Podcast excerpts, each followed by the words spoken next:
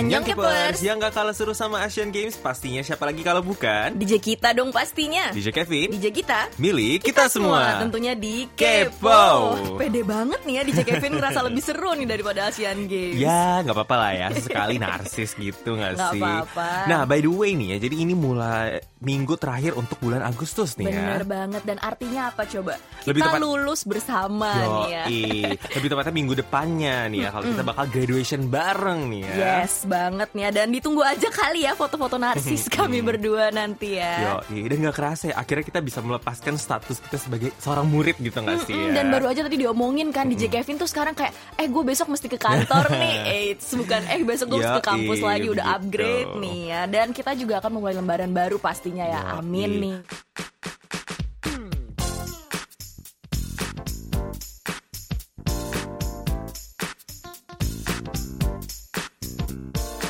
Kupas tuntas berita terbaru Bareng sama DJ kita di Info Celebrities. Celebrities Hayun Brave Girls tidak berpartisipasi dalam promosi grup kali ini karena masalah kesehatan. Setelah merilis versi baru dari lagu hits mereka tahun lalu berjudul Rollin pada minggu lalu, Brave Girls akan berpromosi dengan empat member saja. Versi baru dari lagu ini diubah menjadi lagu house dance yang cocok sekali dengan suasana musim panas.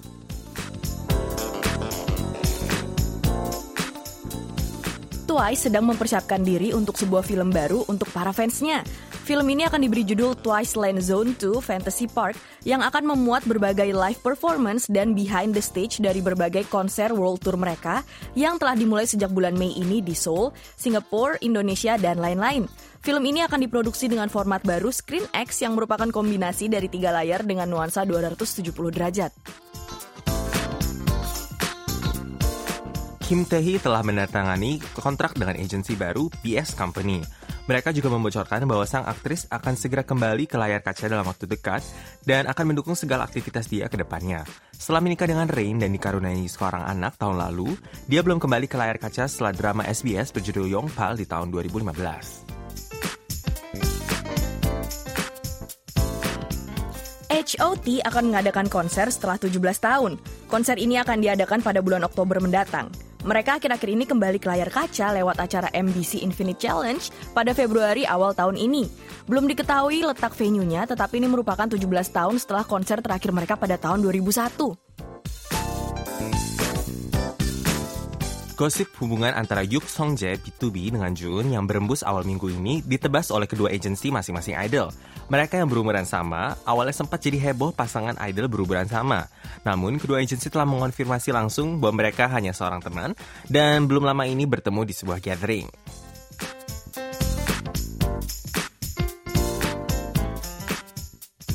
Snooper telah merayakan seribu hari sejak debut mereka. Mereka mengupload sebuah video di YouTube channel mereka di mana mereka berterima kasih kepada fans mereka dan menyanyikan lagu Happy Birthday yang diganti dengan Happy 1000 Days. Mereka juga mengupload foto mereka semua merayakan seribu hari jadi mereka ini di Instagram mereka. Selamat ya dan sukses terus untuk Snooper. Lee Sokun SG Wannabe telah resmi menjadi seorang ayah. Agensinya, Stone Music Entertainment, mengatakan bahwa anaknya lahir tanggal 13 Agustus dan keduanya bersama sang ibu dalam keadaan yang sehat. Kedua pasangan bertemu melewat sebuah program televisi pada tahun 2011 silam dan menikah pada bulan Januari 2016 yang lalu. Selamat ya untuk anggota keluarga yang baru.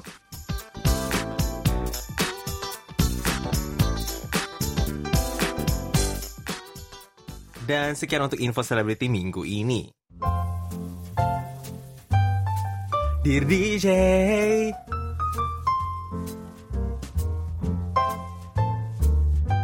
Dear, dear DJ. Nah, untuk minggu ini kita kedapatan beberapa ini nih ya DJ yang masuk nih ya. Apa tuh? Heeh, langsung aja kita bacain yang pertama nih ada dari Novi Eka SH nih ya.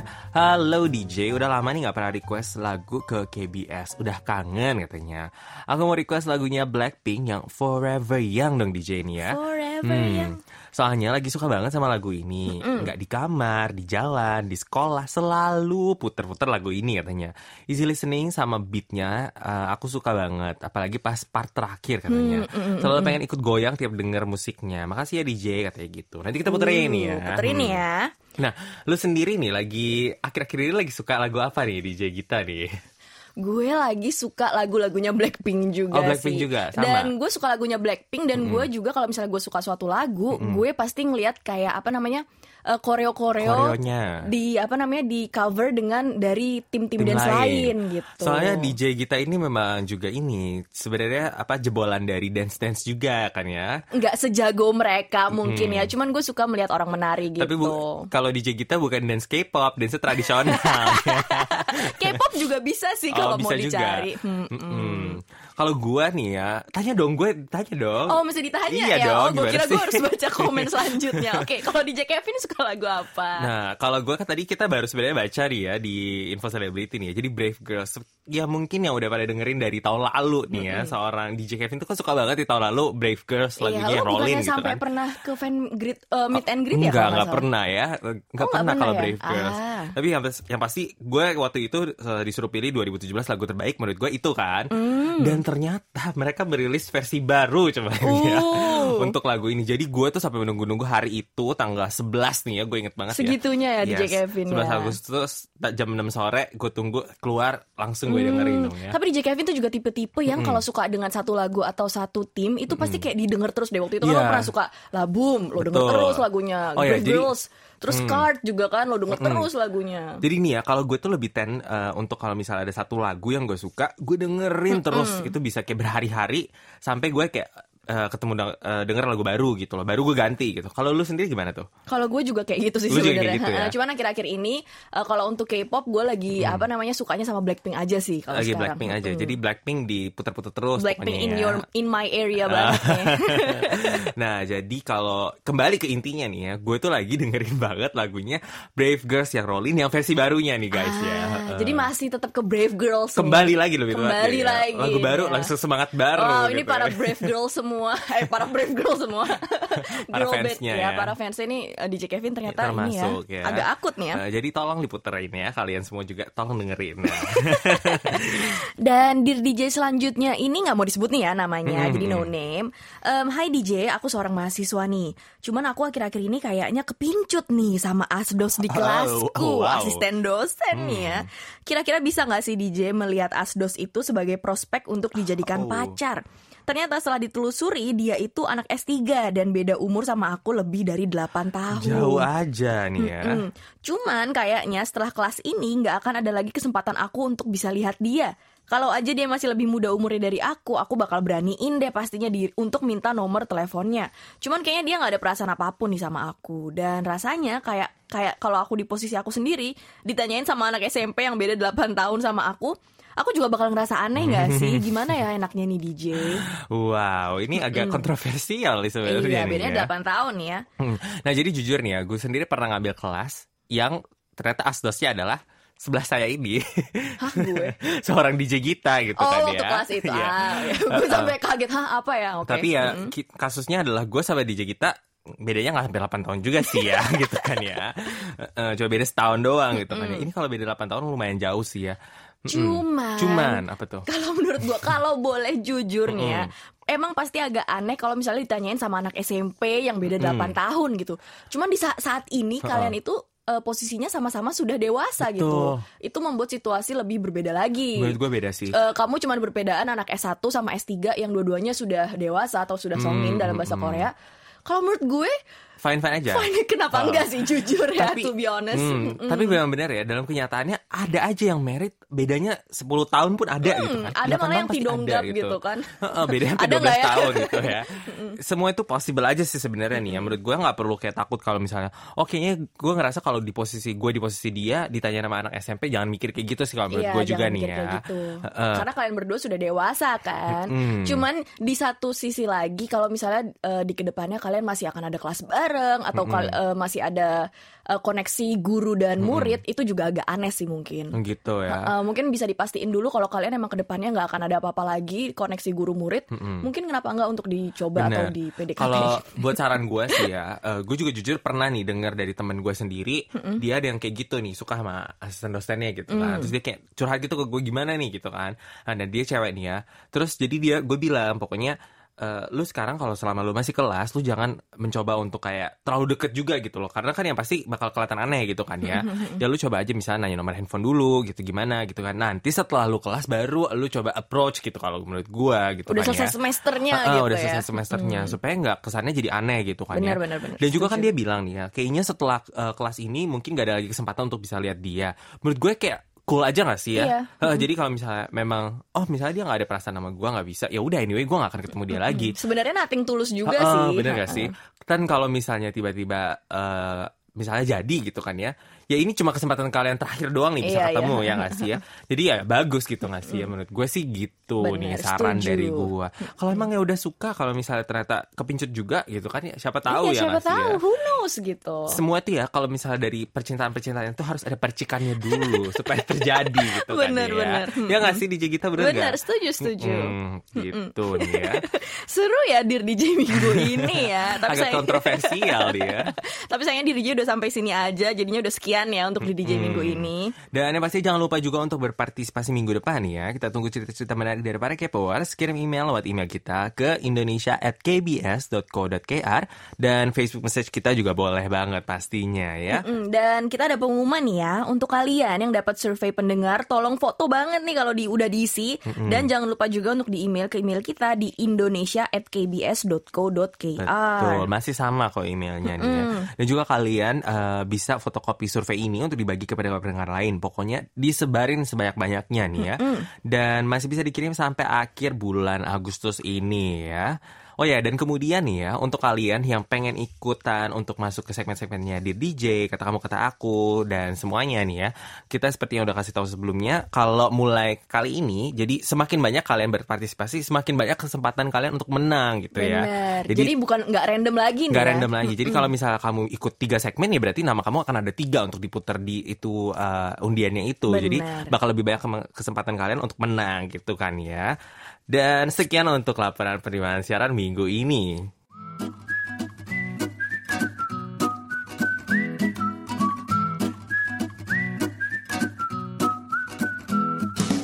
Nah, untuk kata kamu kata aku minggu ini nih ya, seperti yang kalian tahu dari kemarin gua dan DJ kita itu komplain banget gak sih? Korea panas banget ya. Oh iya iya. iya. gue kira gue komplain apa. Iya, jadi Iya tapi Korea memang so hot banget ya. Yoi. Ini kayak panasnya luar biasa nih akibat gelombang panas sebulan terakhir ini ya. Dan ternyata banyak yang protes nih ya akibat suasana panas ini yaitu siapa? Yaitu para cowok-cowok di kantor nih. Hmm, termasuk saya. nah, jadi nih ya, jadi mereka ini cowok-cowok di kantor ini merasa adanya ketidakadilan. Wait, katanya. ini sama kayak topik diri eh, diri DJ kata kamu kata aku minggu lalu Oh, nih ya, ya. mirip ya, Cowoknya cowok. eh, eh, karena ketidakadilan juga Uh, nih. Tapi bedanya ini lebih berfokus ke kantor nih ya. Jadi gini, kalau di kantor itu kan wanita ini cenderung lebih bebas dengan pakaian mereka, benar gak sih ya? Boleh pakai rok, boleh pakai dress yang pendek, boleh yang tipis atau gimana gitu kan ya. Nah, sedangkan uh, di kantor-kantor yang besar di Korea terutama nih ya, masih cenderung mengharuskan uh, cowok-cowok itu untuk pakai pakaian resmi nih ya. Hmm, Mm-mm. Walaupun nggak semua kantor sih ya. Iya. Cuman memang rata-rata walaupun musim panas mereka tuh masih harus banget pakai celana panjang kain dan baju kemeja gitu loh. Belum lagi kalau di dalamnya pakai singlet gitu kan. Yes. Which is harus gitu sebenarnya kan. Yes. Itu pasti panas banget sih. Terus kalau misalnya eh, ya ini selain kalau misalnya gini ya eh, mau di garis bawain aja ini kalau misalnya pun kalian nggak usah ketemu orang pun kalian mesti pakai baju kayak gini gitu ya. Ya kalau di kantor gue sendiri sih hari Jumat ada yang namanya casual day lu boleh pakai baju kaos gitu doang gitu ya. Tapi itu pun cuma sehari doang gitu kan ya. Dan jadi kan eh, mereka ini eh, yang di kalau nganggap kalau misalnya cuaca yang panas ini mereka itu udah kayak kehabisan energi duluan karena terlalu panas bahkan sebelum mereka mulai kerja jadi di perjalanan mereka sampai kantor pun udah kayak kepanasan gitu loh ngerti Hmm, sih bener banget. Emang setuju banget sih ngerasa ngerasain banget kepanasan mereka padahal gue nggak pakai baju itu gitu Iya, kan. ngelihatnya aja udah panas Ngeliatnya aja udah panas sebenarnya. Heeh. Dan padahal mereka yang kerja di kantor itu kan sebenarnya juga hanya ketemu orang yang itu-itu aja nggak sih? Dan nggak ketemu tamu. Jadi kenapa harus terus-menerus menggunakan baju resmi kayak gitu gitu loh. Betul. Anyway, jadi kita pasti pengen tahu nih ya, kalau para K-popers sendiri nih ya, pendapatnya gimana gitu kan ya. Nah, yang pertama kita bacain ada dari Okta Ayu Melia Widanti nih ya. Halo DJ, semoga sehat selalu ya. Kalau menurut aku nih ya, wajib dong yang namanya para pekerja kantoran menggunakan pakaian formal. Karena kan nggak mungkin ke kantor, tempat kerja dan ketemu orang penting pakai baju santai. Dan kalau menurut aku juga yang penting kalau ke kantor itu pakai baju formal, tetap sopan dan nyaman kita pakainya. Kalau cowok pakai celana pendek ke kantor, aku kurang setuju DJ. Karena celana pendek bagi cowok itu looknya terkesan santai, kurang cocok untuk kerja kantoran. Kalau para cowok di Korea merasa keberatan karena dilarang pakai celana pendek, mereka bisa cari alternatif lain dengan beli pakaian yang bahannya adem. Atau pas berangkat dan pulang dari kerja pakai celana pendek tapi pas di kantor ganti baju. Gitu ya intinya DJ bagi aku cowok pakai celana pendek kesannya santai dan gak cocok kalau dipakai ngantor. Makasih DJ nih. Hmm. hmm, tadi kan um, dikasih cari alternatif lain gitu ya. Hmm. Cuman um, kalau ngelihat alternatif lainnya yang bahannya adem, hmm. itu itu kelihatan nggak formal juga nggak sih kalau hmm. menurut lo? Kalau menurut gue itu maksudnya kalau kedengeran gue maksudnya pakai tank top. ya itu kalau itu baru adem kalau buat gue. Adem dia. itu definisinya DJ Kevin tuh tank top nih ya. Dan selanjutnya nih ada komen dari Muhammad Ember. Sebagai seorang cewek yang gak suka pakai baju formal sampai ke DNA gue, gue tuh mendukung banget 100% kebijakan kantor berpakaian bebas. Cowok pakai celana pendek, no problem, asal tetap sopan. Gue sendiri pengen banget ngantor pakai jeans selutut yang longgar sama kaos aja nih. Soal pantas nggak pantas sih aslinya nggak pantas, tapi kenapa nggak bisa ubah nah. ke image itu gitu kan? Kenapa nggak semua kantor menerapi peraturan pakaian bebas biar lama-lama pakaian bebas ya dianggap normal gitu buat ke hmm. kantor? Kenapa nggak ubah mindset masyarakat masyarakat sih. Soal pantas atau enggak enak di mata klien harusnya kerjasama terjalin karena skill dan kemampuan bukan karena melihat penampilan katanya oh, gitu. Ini ada intinya juga nih ya yang dimaksud sama si Muhammad Ember ini bener banget nih ya. Kalau kita itu ketemu orang pun bukan masalah karena ski, uh, penampilannya tapi karena skill dan kemampuan kita ini gue setuju banget sih ya benar uh, dan penampilan kalau misalnya ketemu orang pastilah kita mengerti untuk menampilkan mempresentasikan diri kita yang decent terbaik. gitu decent hmm. look dengan pakaian yang sopan cuman nggak harus hmm. yang bener-bener formal look banget gitu asal hmm. sopan gitu kan kalau performance kita baik pasti orang itu akan menilai kita dari performance Betul. kita gitu tapi dan ini gue juga suka nih ya kenapa nggak ubah mindsetnya orang ya? iya. ya karena orang tuh udah tertekan kalau misalnya oh ke kantor mesti pakai baju baju kayak gini mungkin gitu kan ya. Jadi kembali lagi ke kayak topik uh, minggu lalu oh, nih ya. Iya. Jadi uh, sedikit demi sedikit diubah gitu mungkin stereotip berpakaian uh. ke kantor. Jadi mungkin lama kelamaan celana pendek juga bisa diterima hmm. di masyarakat kantoran gitu kan. Betul. Nah sebenarnya untuk di Korea sendiri yang gue tahu nih ya perusahaan hmm. macam Samsung itu udah menerapkan ya salah satunya nih ya uh, kalau misalnya pakaian bebas boleh di kantor oh, gitu ya? benar untuk mm. uh, yang namanya tadi meningkatkan kreativitas para uh, pekerja kantoran supaya kayak nggak kesannya pakai baju sama terus tertekan terus Bener. di tempatnya uh, mesti sama dan mesti pakai baju yang sama gitu kan ya. Uh. Dan kemudian ini ada dari Minlin ya. Sudah dari dulu wanita-wanita punya macam-macam model berpakaian termasuk untuk ke kantor. Sedangkan pria hanya gitu-gitu aja alias pakai kemeja dan celana panjang. Celana kemeja dan jas dan celana panjang. Sudah tertanam dalam pikiran masyarakat memang begitu resminya. Kalau mau celana pendek sih kok nggak bagus ya kelihatannya ya? Bagusnya biar nggak panas. Ya tapi celana panjang berbahan katun atau yang tipis-tipis. Nggak pakai kemeja menurut saya nggak apa-apa. Pakai kaos yang ada kera alias polo shirt sudah bagus. Kalau masih merasa panas nyalakan saja AC atau kipas angin ya. Sebenarnya kalau di kantor sih adem ya.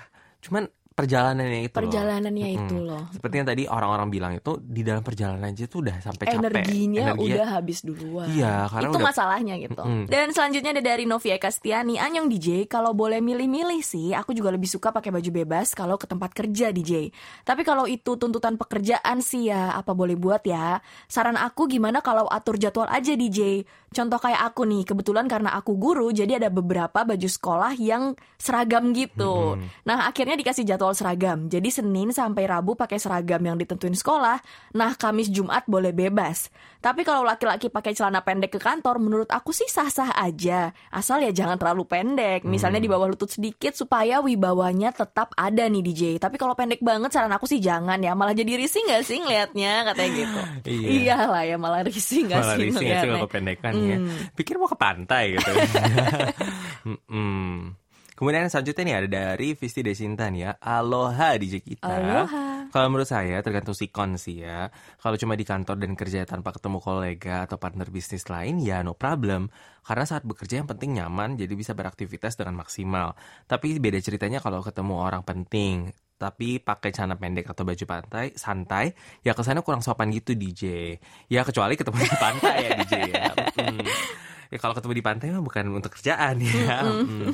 Tapi ini gue setuju banget nih sama Fes- eh, yang Festi bilang ya. Karena kalau nggak ketemu orang lain, partner bisnis lain ngapain gitu nggak sih ya? Dan sebenarnya itu yang eh, tujuan utama dari gerakan ini yang para cowok-cowok di kantor itu bilang gitu ya. Karena gue nggak ketemu orang lain, gue ketemu orang-orang yang sama terus. Gue duduknya di kantor terus di tempat yang sama. Kenapa gitu? Gue mesti pakai baju yang tetap resmi gitu katanya sih. Hmm.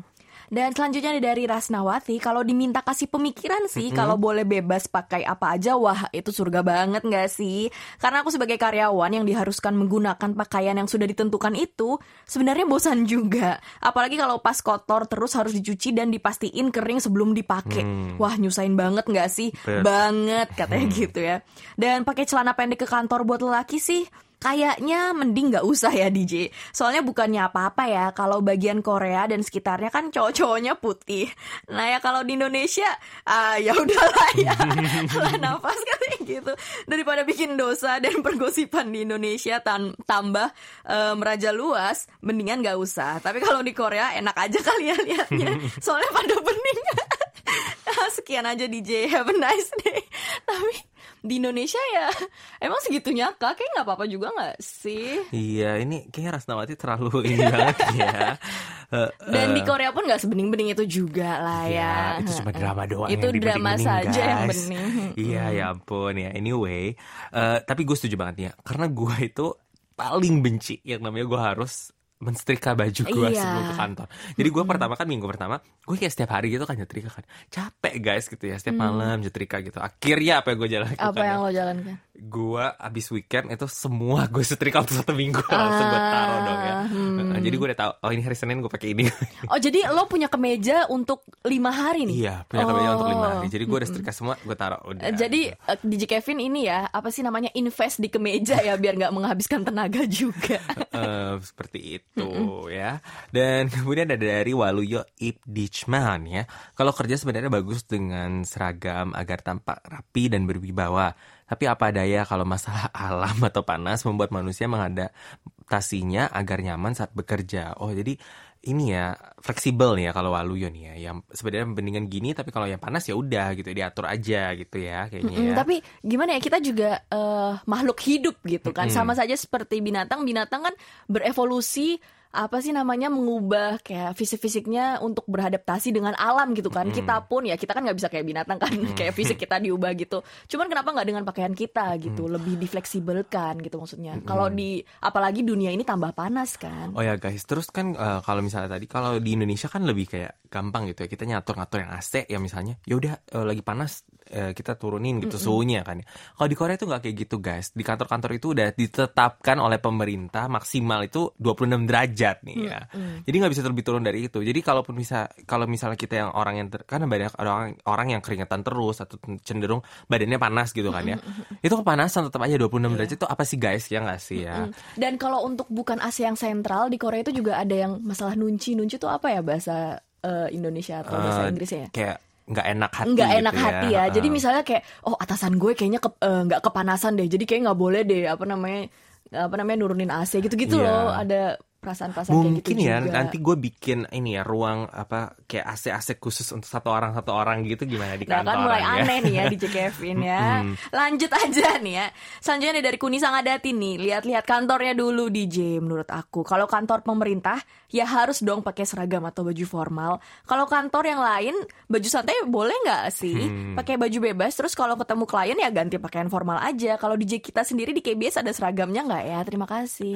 Ya, Ada seragamnya ya? ada banget seragamnya ya seragam bebas ya KBS tuh mungkin kayak mungkin kantor ternyaman juga nggak sih? iya kalau KBS itu kalau ngeliat-ngeliat kayaknya apa namanya staff-staff yang kerja di KBS kayaknya nggak pernah ada aja yang pakai celana pendek, ada yang pakai celana panjang, ada yang pakai bebas polo. sekali ya kalau Hmm, di sini nih ya Super bebas nih, asal nggak pakai baju renang aja kayaknya udah udah nggak apa-apa. pakai bikini gitu gitu, gitu kan ya lo lu mau ke mana Hmm, gitu kayaknya kan. asal yang penting sopan gitu nggak sih kalau di sini? Betul. Dan kemudian nih ada dari Resti Novia nih ya. Halo DJ, kalau menurut aku wajib ya kalau ke kantor pakai baju formal apalagi cowok harus pakai celana panjang. Karena rasanya aneh aja kalau ke kantor pakai celana pendek. Mungkin para cowok bisa memilih celana yang bahannya lebih adem dan menyerap keringat nih ya. Yang seperti Resti ini harus mencoba menjadi seorang lelaki ya untuk jadi gua gitu ya. Karena itu bener-bener beda gitu rasanya ya namanya pakai celana panjang dan pendek itu kayaknya beda banget ya kalau cewek-cewek kan cuma pakai dress gitu nggak sih kalau nggak pakai yang rok rok gitu kan pendek semua ya nggak sih ya nggak sih Iya, iya sih. Kalau misalnya kalau misalnya ngomongnya kayak gitu kelihatan banget sih ya sih. Kayaknya cowok tuh emang menderita banget sih ya dengan pakaian-pakaian formal kayak gini nih ya. Dan yang terakhir ada dari Dharma nih ya. Halo DJ, menurut saya tidak harus memakai pakaian resmi atau formal saat di kantor asal tetap sopan dan rapi. Soalnya di tempat saya bekerja pun dibebaskan dalam hal berpakaian asalkan masih dalam tahap yang sopan, bersih dan rapi. Tetapi bukan berarti bebas berpakaian lantas membuat pegawai pria bisa menggunakan celana pendek saat di kantor. Karena menurut saya itu tidak sopan dan tidak sedap dilihat serta terkesan tidak rapi dan kurang pantas katanya gitu. Ini kalau Dharma bilangnya tidak pantas nih ya pakai celana pendek nih ya. Ya nggak apa-apa, yang namanya orang kan pasti pendapatnya beda-beda nih ya. Mm, Dan mungkin karena kita juga kita sering ke, kita ke KBS tiap minggu kan ya. Kita melihat eh, apa namanya pria-pria di KBS itu banyak yang pakai celana pendek atau celana panjang. Jadi mata kita pun mungkin sudah teradaptasi dengan eh, orang berpakaian celana pendek atau orang bekerja Jadi dengan mungkin celana kita pendek. kita lebih santai gitu, Mm, lebih kalau nggak apa-apa lah iya ya. benar. Kalau mungkin kita tinggal di Indonesia mungkin juga pendapat kita akan berbeda sih. Mm-mm. ya tapi kan memang gitu ya pastinya kan eh, beda-beda nih orang ya banyak banget yang masuk nih ada yang boleh bilang pakai eh, baju bebas kenapa enggak gitu kan ya ada yang bilang kayaknya enggak deh kayaknya mesti tetap harus lebih sopan gitu ya dan di Korea pun sendiri masih kontroversial sebenarnya gitu ya karena masih ada yang kantor yang bolehin pakai baju bebas tapi asal nggak boleh pakai celana pendek gitu ya. Kayak kesannya nanggung gitu loh. Lu kok bolehin pakai celana boleh pakai bebas tapi nggak boleh sampai celana pendek gitu ya nggak sih? Eh, ada yang kayak masih nggak boleh masih pakai resmi doang gitu kan ya. Ya tetap nanti kita lihatlah ke depannya ya. Semoga eh, misalnya nanti ada gelombang panas kayak gini lagi pun ya semoga yang orang-orang kantornya terutama cowok-cowok nggak menderita se kayak sekarang gitu lah ya Eh, dan sekian untuk kata kamu kata aku minggu ini nih ya Dan jangan lupa juga untuk tetap berpartisipasi untuk minggu depan. Betul. Dan untuk yang beruntung minggu ini adalah, Adalah- Min Lee. Yeay, selamat ya dan jangan lupa untuk konfirmasi data diri kamu lewat email kita di indonesia@kbs.co.kr atau papan umum website kita.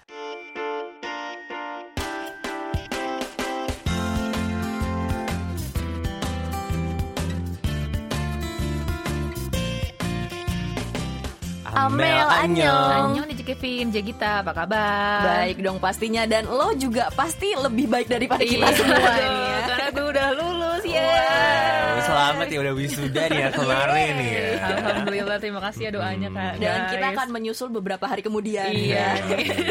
Akhirnya kita semua bertiga lulus nih ya. Dan ke Alhamdulillah. depannya kepo apa kabar? Tapi jadi terharu nih, gue jadi pengen nangis tau gak kita lulus. Jangan di sini nangis ntar abis siaran aja kita nangis-nangis bareng ya. Fokus siaran dulu ya guys. By the way nih, mau cerita apa nih Mel buat dari Korea hari ini? Oke deh, jadi hari ini gue mau cerita tentang Kangful Cartoon Street atau dalam bahasa Korea disebut Kangpul Manhwagori yang berada di Gangdonggu, Seoul. Kebetulan waktu itu gue pergi sama DJ Kevin nih. Yes. Jadi hari itu panas banget ya. Panas banget. Dan sampai Kang Dong loh ya. dan itu kita malah ngebolang sampai ke sana. Itu super jauh bet ya. Eh. Kang Dong itu setahu gue jauh banget ya. Jauh banget sih kalau dari sini ya. apalagi dari rumah gue gitu ya itu tuh uh, deket sama yang namanya Chonho nih ya kayak di ujungnya lain lima gitu kalau dari tempat gue kayak naik subway kayak sekitar sejaman gitu Wah, jauh banget ya. Gue juga dulu pernah punya temen gitu. Dia katanya tinggal di Kangdong dan pas dilihat di apa namanya map subway-nya, Kangdong jauh banget. Jauh aja Eh, gitu eh. ya. Dan emang sebenarnya tempat Kang Full Cartoon Street itu tuh apa sih? Jadi eh, mungkin K-popers juga udah ada banyak yang tahu nih. Jadi di Korea itu banyak banget mural village alias desa yang dipenuhi lukisan-lukisan gitu di tembok-temboknya. Jadi kayak ada yang terkenal tuh Ihwa Mural Village di Seoul, Bukchon Cultural Village Mm. Bukchon Cultural Village di Busan, Fairy Tale Village di Incheon, Dongpirang Village di Tongyong dan lain-lain banyak banget ya. Dan gue juga baru tahu nih, gue baru menemukan lagi desa yang dipenuhi lukisan kayak gitu yaitu Kang yang di Gangdonggu ini. Eh, sebentar ya Eh, sebentar BTW gue udah pernah ke semuanya ini loh setelah dibaca. Alhamdulillah aja kita ya. Udah pernah semua nih ya. gue sampai Incheon, Bentar, Dong sebentar. Pirang juga udah pernah. Bentar, sebenarnya ya yang tahu tentang Kang Full Cartoon Street itu bukan DJ Ahmad sebenarnya gue yang kasih tahu Akmel sebenarnya ya. gue ngaku-ngaku ya. Oke deh ya gue ralat deh. Jadi Kevin yang menemukan tentang Gang Full Cartoon Street ini guys maaf. pengen banget ya disebut anaknya oke. Ya udah diralat ya. Dan kayaknya juga orang Korea tuh banyak yang belum tahu tentang uh, Kung Fu Cartoon Street ini loh. Jadi waktu kita ke sana sepi banget ya Kev Sepi ya. banget ya. Cuma adalah beberapa orang kayak satu dua yang foto-foto gitu di Iya. sana gitu ya. Tapi karena panas juga gak sih guys? Mungkin, Mungkin ya. itu juga sih. Tapi karena mungkin juga karena masih belum terjamah oleh banyak orang sesuai dengan apa namanya posisinya di Kangdong gitu lah ya. jauh aja gitu ya. Tapi apa sih ini sebenarnya keistimewaan dibandingkan dengan mural village yang lo sebutin yang tadi tuh yang udah pernah gue datengin Wede, semua Oke, jadi keistimewanya ini eh, lukisan-lukisan yang di situ merupakan lukisan dari salah satu komikus paling terkenal di Korea Oh, bernama wow. Kang Ful. Makanya namanya Kang Ful Cartoon Street gitu. Jadi eh, semua lukisan di sini tuh dia yang gambar dibantu dengan warga Hmm, gitu. wow, keren banget Jadi ya. ini dia ini merupakan komikus senior gitu ya Mel ya. Yoi. Jadi udah terkenal dari zamannya belum ada yang namanya kayak kalau sekarang kan webtoon semua lihatnya di handphone. Bacanya bukan komik ya sekarang webtoon ya nggak Oh, sih? Kayak itu masih zaman zamannya masih komik-komik gitu dan banyak juga katanya udah dijadiin film nih ya. Uh, wow. Betul banget dan lukisan yang di tembok-tembok di sini tuh juga beragam banget yang merep- merepresentatifkan karya-karyanya beliau jadi gitu kan. Di setiap lukisannya juga ada informasi judulnya dan story itu seperti apa. Uh, ini menarik banget loh. Tapi kayak hebat banget ya berarti si Kang Ful itu karena dia punya the whole street satu area atau satu jalan tuh didedikasikan untuk si Kang Ful ini nih ya komikus betul Kang Ful banget. ini. Terus selain bisa melihat lukisan-lukisan ada apa lagi tuh di sana? Hmm, ada lagi di sana tuh yang namanya Sengyongi Nejip nih ya. Jadi merupakan apa tuh? kafe dan perpustakaan mini nih ya di mana kita bisa baca-baca komiknya secara gratis nih ya. Uh, ini hari ini yang jelasin DJ Kevin dan DJ Amal ya. ya. Pergi bareng. Gemes deh.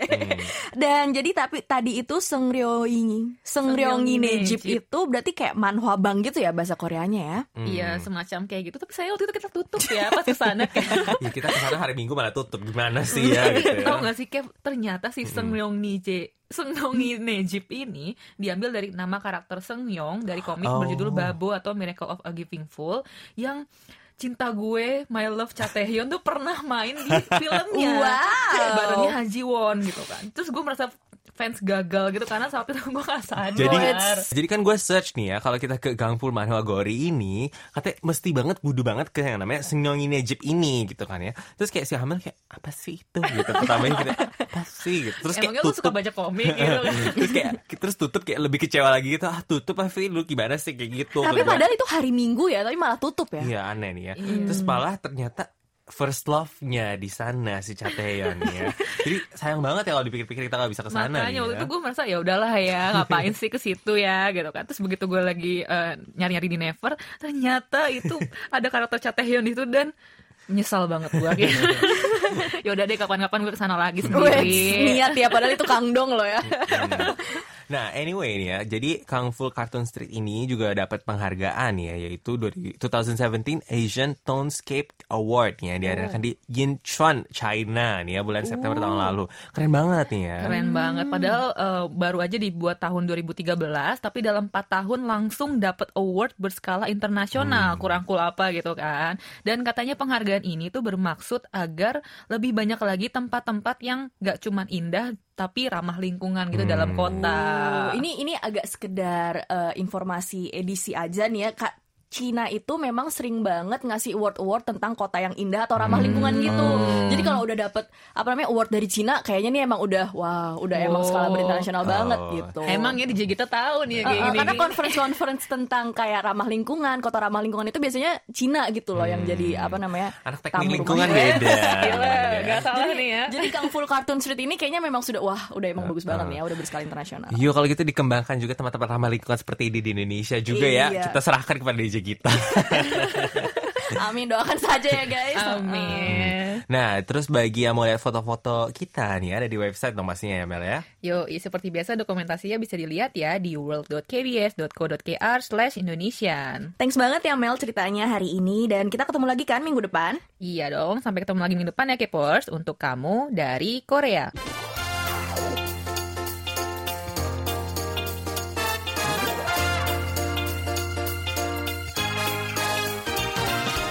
Makasih ya udah dengerin Kepo hingga akhir. Dan jangan lupa untuk dengerin Kepo seperti biasa minggu depan. Sampai ketemu lagi minggu depan ya para Kepers. Dan tetap Kepo!